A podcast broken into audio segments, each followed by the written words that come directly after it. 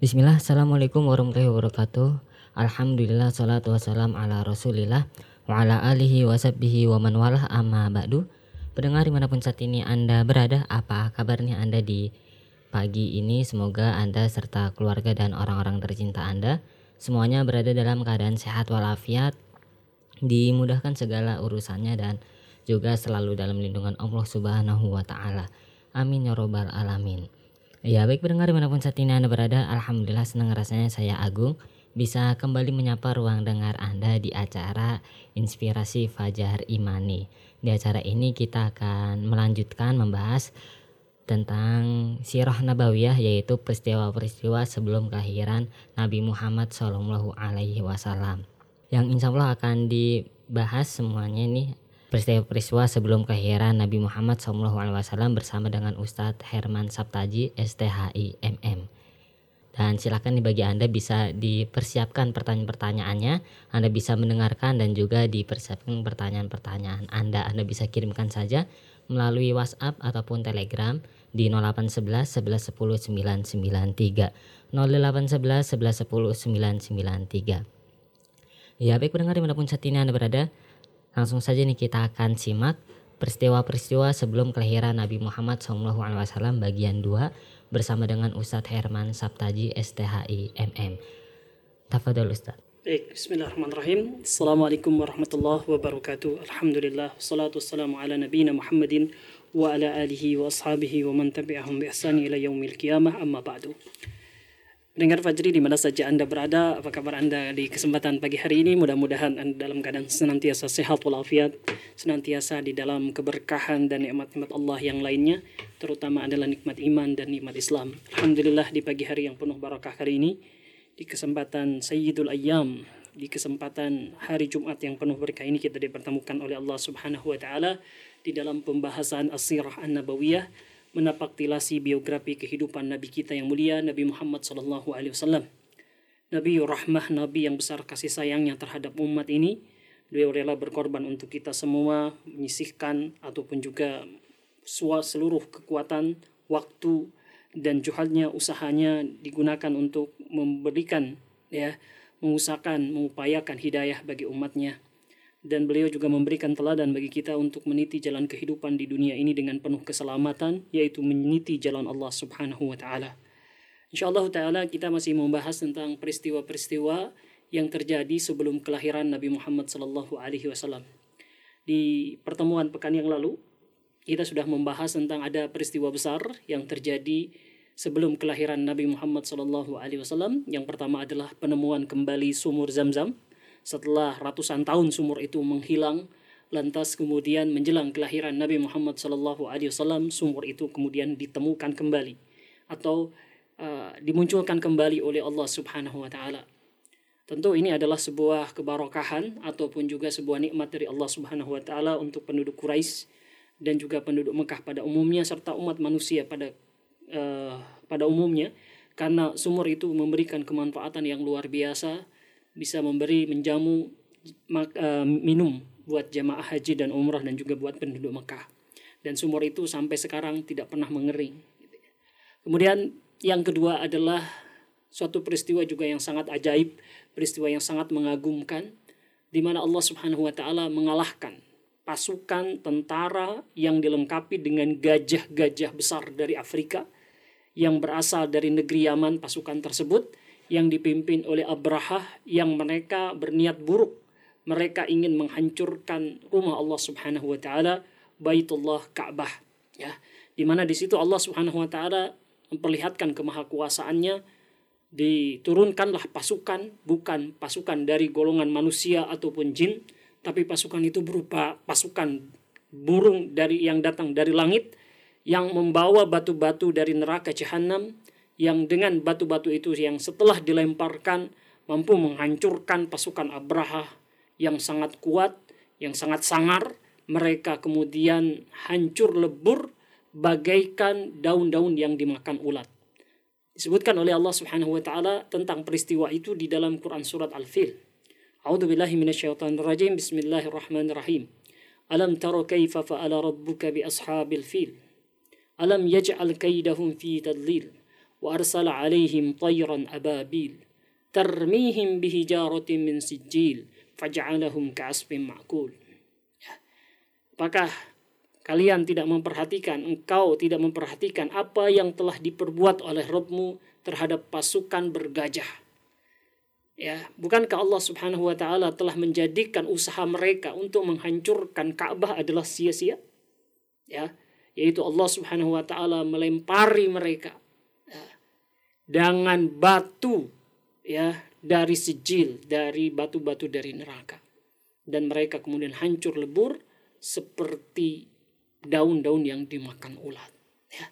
Nah, dua peristiwa ini yaitu peristiwa penemuan sumur Zam-Zam dan peristiwa serangan pasukan bergajah yang digagalkan, yang dihancurkan oleh Allah Subhanahu wa taala adalah fase pendahuluan akan lahirnya satu sosok yang akan kemudian merubah keadaan yang akan yukhrijuhum minad dhulumati ila nur yang akan mengeluarkan umat, umat manusia dari kegelapan-kegelapan menuju cahaya yang terang benderang, menuju cahaya hidayah dari Allah Subhanahu wa taala. Karena penemuan sumur Zam-Zam akan mengingatkan orang kepada orang yang menemukan kembali atau yang menemukan sumur Zam-Zam pertama kali. Yaitu ibunda Nabi Ismail dan Ismail sendiri Hajar. Ya, mereka semua adalah yaitu Nabi Ismail dan juga ayahandanya Nabi Ibrahim adalah Nabi Allah Subhanahu wa taala. Yang mengajarkan tauhid, mendakwahkan tauhid dan mereka akan teringat kembali kalau misalkan disindir ataupun juga dikutip oleh Nabi Muhammad SAW. Demikian juga ya gagalnya serangan pasukan bergajah untuk menghancurkan Ka'bah. Allah ingin ya menjaga eksistensi Ka'bah sebagai simbol agama Allah, simbol tauhid bahwa kita hanya menyembah Allah Subhanahu wa taala. Allah Subhanahu wa taala juga ingin menjaga kota Mekah dari ancaman penjajahan dan penguasaan musuh yang akan sangat berbahaya ya kalau seandainya itu dibiarkan maka Nabi Muhammad SAW yang lahir di dalamnya juga akan terancam. Maka dihancurkanlah pasukan ini ya untuk menjaga bait Allah dan menjaga penduduk Mekah agar mereka ya bisa memelihara Nabi Muhammad SAW dengan baik. Itu dua peristiwa yang sudah kita bahas, yaitu peristiwa kelahiran, uh, peristiwa-peristiwa yang terjadi sebelum kelahiran Nabi Muhammad SAW. Nah, sekarang peristiwa yang akan kita bahas pada kesempatan kali ini adalah seputar nazar ataupun janji dari kakek Nabi Muhammad SAW yang bernama Abdul Muthalib untuk menyembelih ya menyembelih ayahanda Nabi Muhammad SAW. Loh kok bisa gitu kejadiannya sampai seperti itu. Jadi gini hadirin rahimakumullah, Nabi Muhammad Shallallahu alaihi wasallam itu pernah dalam sebuah hadis beliau mengatakan, "Ana ibnu ini. Sesungguhnya aku ini adalah putra dari dua orang yang hampir disembelih. Hampir ya, tidak disembelih, ya. Jadi hampir disembelih. Siapa itu? Kita tahu bahwa Nabi Muhammad SAW adalah keturunan Nabi Ismail Ya, kita sudah bahas tentang nasab Rasulullah SAW pada pertemuan beberapa hari yang lalu atau beberapa episode yang lalu bahwa Rasulullah SAW adalah keturunan dari Nabi Ismail alaihissalam. Dan Nabi Ismail alaihissalam ini kita tahu ceritanya bahwa beliau juga hampir disembelih oleh ayahandanya Ibrahim demi menjalankan perintah dari Allah Subhanahu wa taala. Ya. Karena Allah Subhanahu wa taala memerintahkan agar Nabi Ibrahim menyembelih anaknya. Nah, padahal perintah itu adalah tujuannya adalah untuk menguji Nabi Ibrahim dan tidak jadi ketika dia sudah uh, memegang pisaunya kemudian Allah ganti Ismail yang kecil itu dengan seekor kambing jantan yang besar atau kibas gitu ya. Nah, ini jadi beliau adalah putra atau keturunan dari Nabi Ismail. Beliau juga adalah putra dari Abdullah bin Abdul Muthalib yang kisahnya hampir sama ya beda sedikit atau beda ada perbedaannya hampir sama dengan kisah Nabi Ismail yang hampir disembeli oleh bapaknya. Nah, jadi Abdullah ini adalah putra dari Abdul Muthalib. Nah, Abdul Muthalib dahulu di zaman jahiliyah ya di waktu zaman dahulu sebelum mendapatkan putranya Abdullah ini itu hanya punya satu anak laki-laki namanya Al Haris. Al Haris ini adalah putra Abdul Muthalib dari ibundanya yang bernama Sofiyah bintu Jundub. Ya. Sementara dari istri-istri yang lain, ya. Jadi Abdul Muthalib ini memiliki lima orang istri, ya, yaitu Halah bintu Wuhaib, kemudian uh, Natlah, kemudian Aminah bintu Hajar, ya, dan Fatimah bintu Amr dan Sofiyah bintu Jundub. Ya, jadi punya lima orang istri. Nah dari lima orang istri ini Abdul Muthalib hanya punya satu laki-laki. Putra laki satu put, uh, mempunyai putra satu laki-laki saja yang bernama Al Haris. Padahal di zaman jahiliyah dahulu aset mereka yang paling berharga itu adalah anak-anak laki-laki. Karena anak laki-laki ini bisa disuruh bekerja keras, bisa untuk melakukan perjalanan lintas benua, ya, yaitu sampai ke Syam, sampai ke Yaman, mereka juga bisa diminta untuk menggembala kambing, menggembala unta. Mereka juga bisa ditugaskan untuk berperang dan yang lainnya. Jadi ini adalah anak sebuah aset yang paling berharga waktu itu, anak laki-laki. Dan Abdul Muthalib sebagai pemimpin Mekah, pemimpin yang sangat dimuliakan oleh kaumnya, itu hanya punya satu anak laki-laki. Sementara yang lainnya punya banyak. Dan dia sangat menginginkan anak laki-laki yang lain, tapi ya qadarullah ya, ketentuan Allah Subhanahu wa taala, dia hanya punya satu itu. Maka keinginan untuk memiliki anak laki-laki yang banyak ini membuat dia bernadar, ya, membuat dia berjanji kalau seandainya dia dianugerahkan 10 anak laki-laki, maka satu di antaranya akan disembelih sebagai nadar kepada Allah Subhanahu wa taala. Ya, kalau punya anak laki-laki 10. Gitu. Nah, ternyata kemudian ya mulailah saat itu Abdul Muthalib diberikan anak laki-laki tambahan. Ya. Misalkan dari istrinya yang bernama Halah bintu Wahaib, ya. Abdul Muthalib dikaruniai anak laki-laki namanya Haji, ya. Kemudian punya anak lagi namanya Al Mukawwam, ya. Kemudian dari istrinya yang bernama ya Natlah ini ya Abdul Muthalib dikaruniai anak namanya Dirar. Kemudian Abbas. Ya, kita tahu Abbas. Abbas bin Abdul Muthalib ini paman Rasulullah SAW. Bahkan sempat masuk Islam ya. Ya. Kemudian juga dari istri yang bernama Aminah bintu Hajar. Ini memiliki nama Abdul Uzza atau nama mungkin terkenalnya itu Abu Lahab ya. Kemudian dari Fatimah bintu Amr lahirlah Abu Talib, lahirnya Az-Zubair dan yang paling bungsu namanya Abdullah. Ya. Jadi anaknya kemudian 10 ternyata.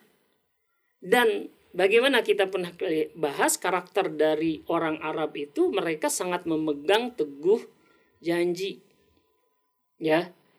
Janji kepada manusia saja mereka akan berusaha untuk menjalankannya, untuk menunaikannya. Apalagi ini janjinya kepada Allah Subhanahu wa taala. Maka dikumpulkanlah anak-anaknya setelah mereka ngerti semua. Ya, dibilang dulu mungkin bahasanya gitu ya. Dulu Bapak pernah janji sama Allah, kalau dikaruniai 10 anak laki-laki, maka satu di antaranya akan disembelih sebagai nazar, sebagai persembahan untuk Allah Subhanahu wa taala. Gimana menurut kalian? Dan tak ada satupun yang menolak. Ya, karena bagi orang-orang Arab janji adalah hutang yang harus ditunaikan. Gitu. Ya. Lakukan wahai ayah. Ya. Gimana caranya menentukan? Ya diundi. Ya, diundi. Akhirnya 10 anak laki-laki tersebut nama-nama mereka ditulis dan kemudian diadakan pengundian. Entah, entah tidak disebutkan cara ngundinya gimana gitu ya pakai pakai nama dikocok atau gimana saya nggak tahu kayak orang arisan ya tapi kemudian diundi lah ya setelah diundi ternyata yang keluar adalah nama dari anak paling bungsu anak yang paling cakap anak yang paling baik akhlaknya namanya Abdullah dan Abdullah ini adalah anak kesayangan dari Abdul Muthalib. Tapi Abdul Muthalib walaupun anak kesayangan walaupun anak yang paling cakep walaupun anak yang paling baik akhlaknya tapi sesuai dengan peraturannya karena yang keluar adalah nama Abdullah ya Abdullah inilah yang akan disembelih. Dan gak ada yang menolak baik Abdullah maupun anak yang lainnya. Maka pada hari yang sudah ditentukan Abdullah ini akan disembelih ya sesuai nazarnya itu di depan Ka'bah. Maka ketika melihat Abdul Muthalib ini membawa anaknya sambil dengan membawa pisau ditanya mau ngapain enggak? Ya, saya punya nazar kata Abdul Muthalib saya akan sembelih anak saya satu kalau saya dikaruniai oleh Allah Subhanahu wa taala sepuluh. Ya. Maka orang mengatakan jangan, ini anakmu, ya. Kok sampai tega engkau mau menyembelihnya? Tidak, ini sudah nazar saya kepada Allah Subhanahu wa taala. Nah, tetapi yang lain terus membujuknya orang-orang Quraisy atau orang-orang Mekah yang lain berusaha membujuknya agar tidak jadi. Gitu ya. Kata mereka, Abdul Muthalib tahan dulu. Kami tahu ya ini adalah suatu desakan. Kami tahu ini suatu peraturan bahwa nazar harus ditunaikan. Tapi cobalah kita mendap minta pendapat pada seorang dukun yang mungkin dia punya solusi atas masalah pelik yang engkau hadapi itu. Yaitu engkau harus menyembelih anakmu dan anak kesayangan lagi. Ya. Aku kenal seorang dukun, ya kata orang-orang Quraisy, yang dia mungkin punya solusi atas masalahmu ini. Dia berada di Hijaz, suatu wilayah yang uh, cukup jauh dari Mekah. Itu. Ya, akhirnya ya, Abdul Muthalib menunda untuk menyembelih anaknya ini. Dan dia memilih untuk kemudian mendatangi dukun tersebut dan menjelaskan permasalahannya. Dan dukun itu setelah dia berpikir, jadi zaman dahulu dukun itu adalah problem solver. Kalau mereka memiliki satu masalah yang tidak uh, mereka sendiri tidak kuasa untuk menentukannya, untuk menyelesaikannya, mereka datang ke dukun.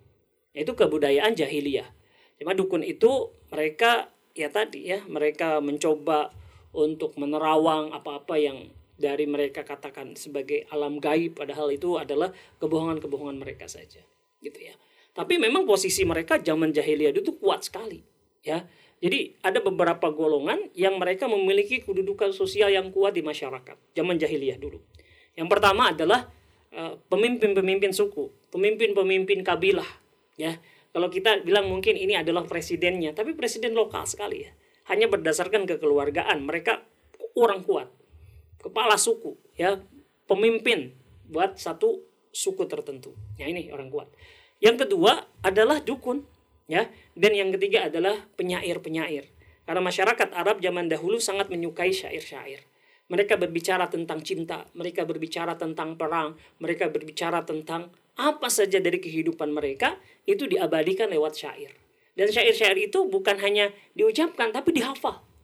Dihafal oleh mereka yang membuatnya atau yang mendengarkannya ya. Dan tidak sembarangan orang bisa bersyair ya. Ada orang-orang tertentu yang dikaruniai kefasihan kosakata yang kaya ya. Mereka kemudian memberikan syair ya. Mengucapkan syair dan syair itu kemudian diabadikan. Lewat ingatan ya. Lewat ingatan dari mereka yang mendengarkannya. Nah jadi tiga golongan itu.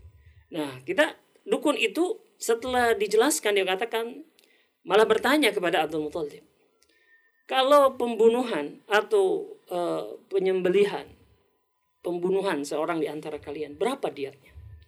Jadi zaman dahulu ketika ada satu orang terbunuh, ya, dan kemudian keluarga yang terbunuh ini tidak menuntut kisos, tidak menuntut hukuman yang setara, maka mereka akan meminta diat, bayaran atau ganti rugi yang setara dengan 10 ekor unta.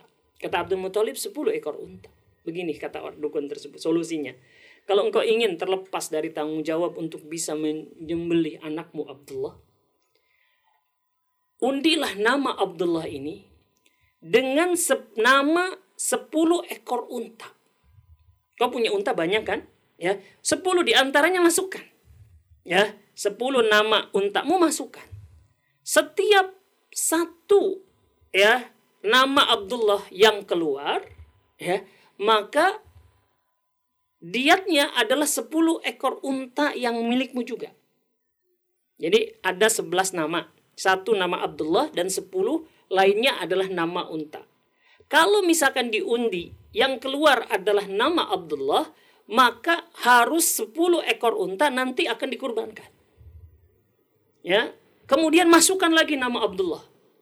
Kalau misalkan 10 uh, eh, keluar lagi nama Abdullah, maka 10 ekor unta lagi dikurbankan. Ya, kemudian terus lakukan itu sampai nama unta yang keluar. Kalau misalkan yang keluar nama unta itu adalah undian yang keempat, maka cukup 30 ekor unta yang dikurbankan. Gitu. Kalau empat berarti empat puluh ekor unta. Ya kata Abdul Muthalib, baik saya lakukan. Ya, dikocok yang pertama keluar nama Abdullah. Sepuluh ekor unta harus dikurbankan. Ya, dimasukin lagi nama Abdullah, dikocok lagi ternyata yang keluar nama Abdullah. Berarti 20 ya. Sampai tiga kali, empat kali, lima kali, enam kali yang keluar adalah nama Abdullah sampai ke sepuluh kali. Jadi kalau 10 kali 10 berarti 100 ekor unta. Barulah pada undian yang ke-11 ya, yang keluar adalah nama salah satu di antara unta. Kalau begitu, maka ya eh, berhentilah undian tersebut, maka kalau Abdul Muthalib kata dukun tersebut ingin selamat dari menyembelih anaknya, silahkan kurbankan 100 ekor unta. Dan Abdul Muthalib melaksanakannya. Ya nggak jadi dia menyembelih putranya yaitu uh, Abdullah. Ya diganti dengan 100 ekor unta. Maka sejak saat itu ketika ada peristiwa pembunuhan dan si keluarga uh, tidak menuntut untuk dihukum mati lagi ya maka dia boleh menuntut ganti rugi dengan bayaran senilai 100 ekor unta ya sejak saat itu berlaku dan nanti semenjak uh, di zaman Islam juga itu kemudian diikrar ditetapkan hal yang sama Nah, kemudian hadirin rahimakumullah, jamaah ataupun juga pendengar Fajri di mana saja Anda berada, itu satu kejadian ya. Apa hubungannya dengan Nabi Muhammad SAW? Ya jelas ada hubungannya, ada korelasinya. Apa korelasinya? Yaitu bahwa kalau seandainya terjadi bahwa Abdullah apa Abdul Muthalib ini menyembelih putranya Abdullah, ya tentu tidak akan ada sosok Rasulullah Shallallahu Alaihi Wasallam karena ayahnya ya itu uh, disembelih oleh bapaknya sendiri.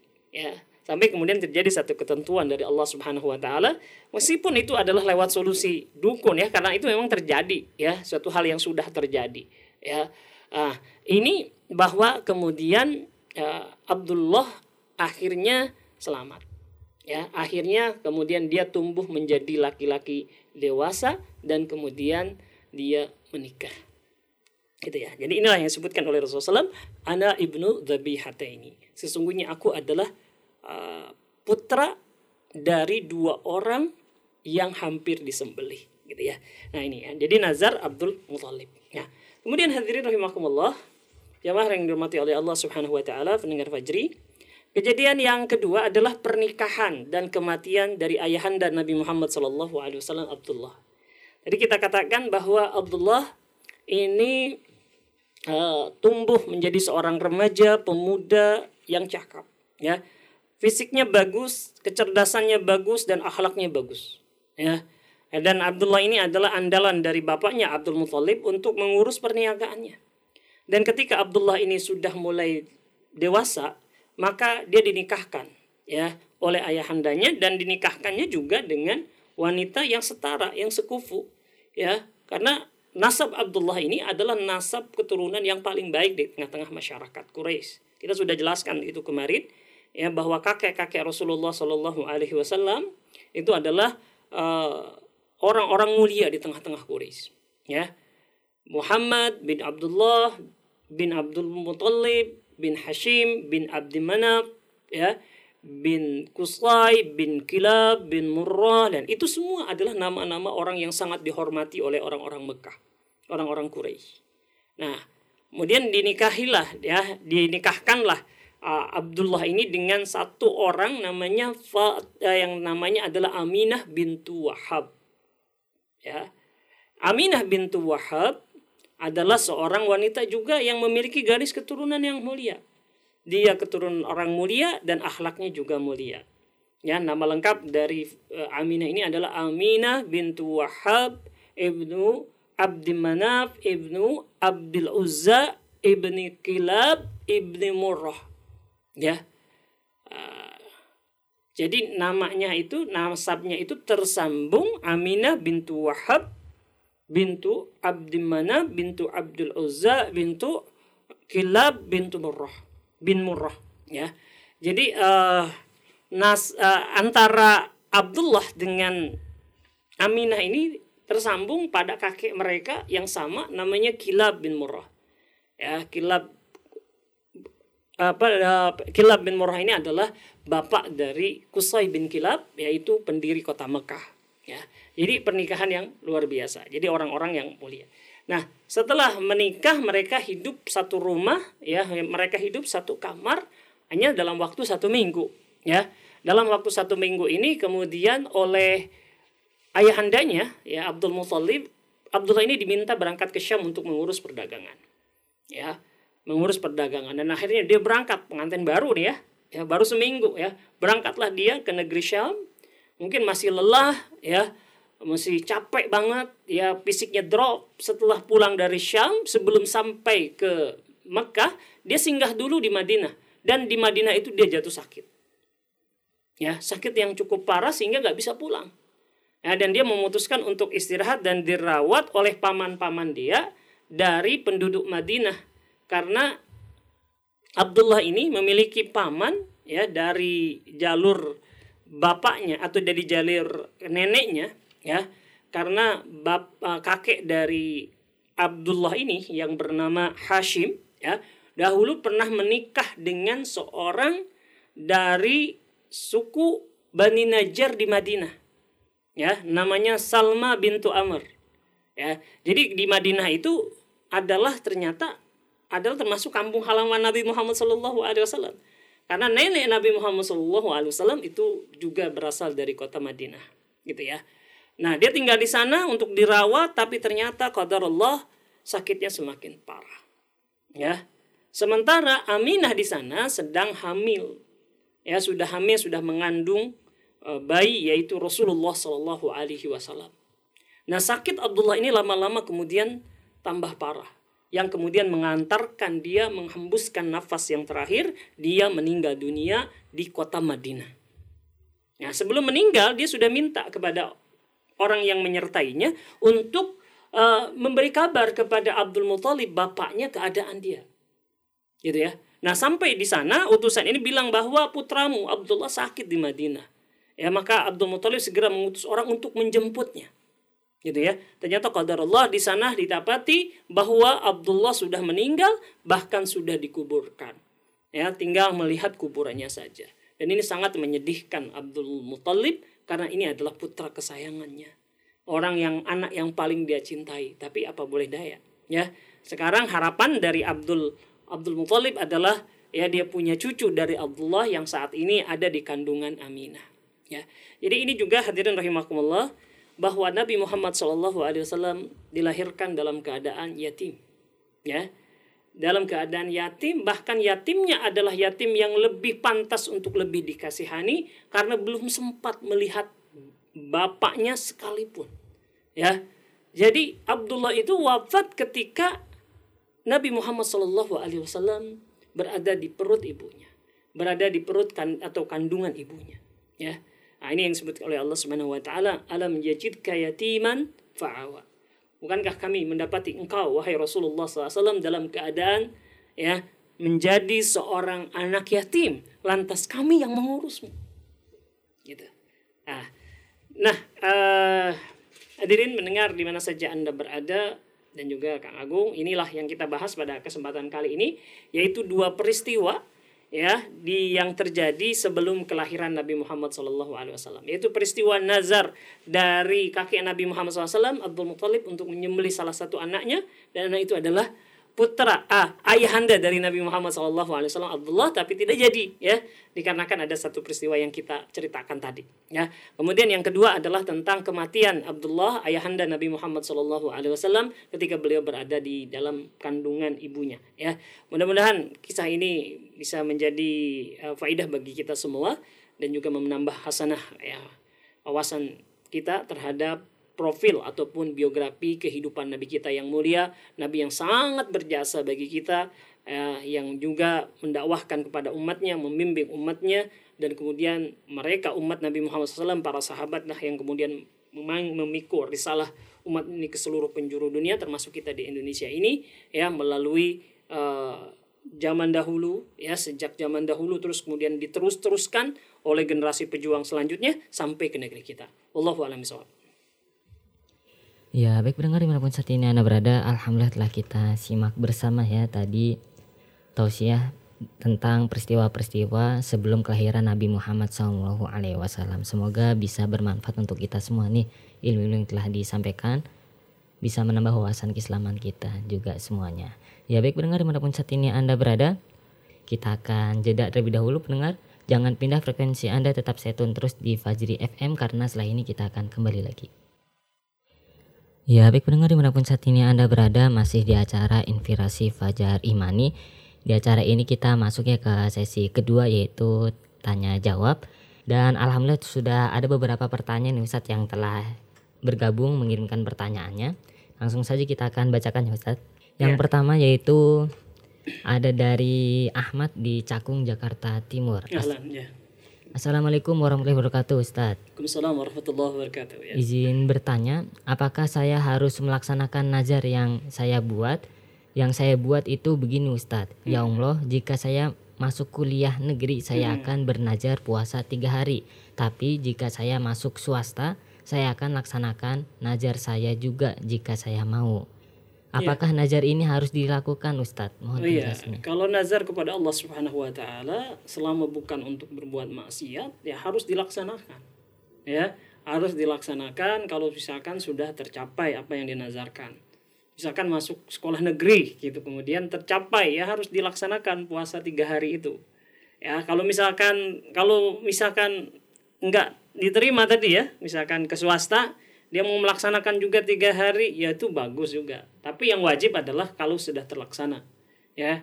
Kalau misalkan sudah masuk ke apa namanya nggak masuk pantas masuk ke sekolah swasta dia juga ingin puasa tiga hari ya itu bagus juga ya. Itu bagus juga. Tapi yang wajib adalah kalau sudah terlaksana tadi.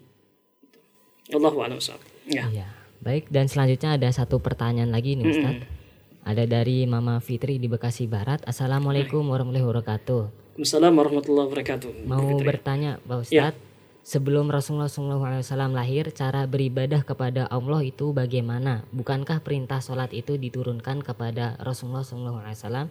Syukran, Pak Ustaz. Ya, jadi sebelum uh, perintah sholat lima waktu yang turun waktu peristiwa Isra Mi'raj ya setelah Nabi Muhammad SAW diangkat menjadi Rasul ya maka Rasulullah SAW dan juga para sahabatnya mereka juga melaksanakan ibadah sholat. Ya hanya saja sholatnya itu hanya dua waktu di waktu pagi dan di waktu sore hari saja. Ya itu sholatnya. Cuma masalah sholatnya seperti apa? Ya kemungkinan ya kita saya juga belum tahu secara pasti. Ya seperti sholat yang kita lakukan. Hanya saja waktunya hanya di pagi dan sore hari. Gitu ya. Selain itu ibadahnya adalah berdoa kepada Allah berzikir kepada Allah bertafakur kepada Allah subhanahu wa taala itu juga adalah salah satu jenis peribadatan sebelum ya sholat lima waktu diwajibkan oleh Allah subhanahu wa taala itu yang dilakukan oleh Nabi Muhammad SAW jadi sebelum sholat lima waktu ya umat diperintahkan untuk sholat dua kali di pagi dan sore hari. Ya, demikian Ibu Fitri. Ya, baik. Syukron hmm. jazakumullah khairan keseran Ustaz atas jawabannya. Semoga ya. bisa bermanfaat nih untuk kita semuanya. Amin ya robbal hmm. alamin. Ya, baik Ustaz, mungkin hanya dua pertanyaan ya. saja Ustaz baik. di acara ini. Dan selanjutnya nih yang ikut bergabung saja menyimak yaitu di sini ada dari Bu Neni Nur Aini Assalamualaikum warahmatullahi wabarakatuh Bu Neni Nur ini insya Allah menyimak saja ya, ya semuanya Alhamdulillah bisa ya. menyimak ya. ya Dan juga ada Ilma Nafian di Jakarta Alhamdulillah hmm. menyimak Ustadz hmm. Herman Sabtaji pencerahan yang paling saya favoritkan di Radio Fajri ini. Kadang-kadang kangen ingin rasanya bertemu sama beliau lagi. Semoga Ustadz Herman Sabtaji dan penceramah lainnya selalu sehat dan panjang umur. Amin. Doa yang sama untuk uh, Ilman hmm. dan juga pendengar semua ya. Iya, baik. Amin ya robbal alamin. Ya, baik pendengar di mana pun saat ini Anda berada, tak terasa sudah di penghujung acara ya. Dan sekiranya ada satu kata ataupun dua patah kata Ustadz yang ingin disampaikan, silakan. Baik, ya semakin kita mentadaburi ataupun juga menyimak kisah-kisah perjalanan kehidupan Nabi Muhammad SAW, maka kita akan banyak menemukan hal-hal yang mengagumkan.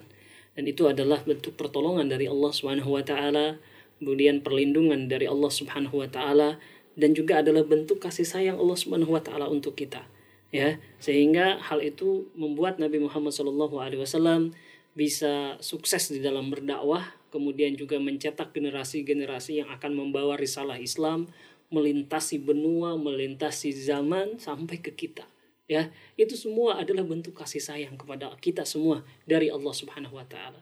Oleh karena itu mari kita syukuri ya, mari kita uh, uh, bayar ya konsekuensinya dengan cara beribadah kepada Allah, meningkatkan ketakwaan kita kepada Allah Subhanahu wa taala.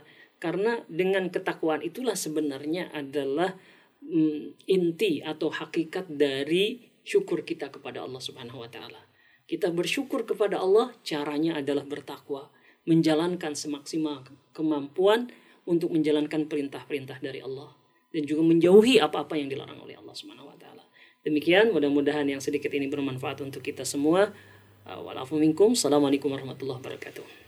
Waalaikumsalam warahmatullahi wabarakatuh. Iya baik Mas Allah syukran jazakumullah khairan keseran dan kepada Anda juga kami ucapkan syukran jazakumullah khairan keseran yang telah ikut bergabung menyimak acara-acara ini dari awal hingga akhir dan juga yang telah ikut berinteraksi lagi ada lagi nih dari Ibu Seningsi di Jadi Ung Tangerang. Assalamualaikum warahmatullahi wabarakatuh. Waalaikumsalam warahmatullahi wabarakatuh. Nih, Ibu sedang menyimak juga dari awal. Ya, baik, Masya Allah. Ya, baik pendengar di mana pun saat ini Anda berada. Dan kita akan tutup aja acara Inspirasi Fajar Imani pada pagi menjelang siang ini. Subhanakallahumma wa bihamdika asadu ala ilaha illa anta astaghfirka wa atubu ilaik. Wassalamualaikum warahmatullahi wabarakatuh.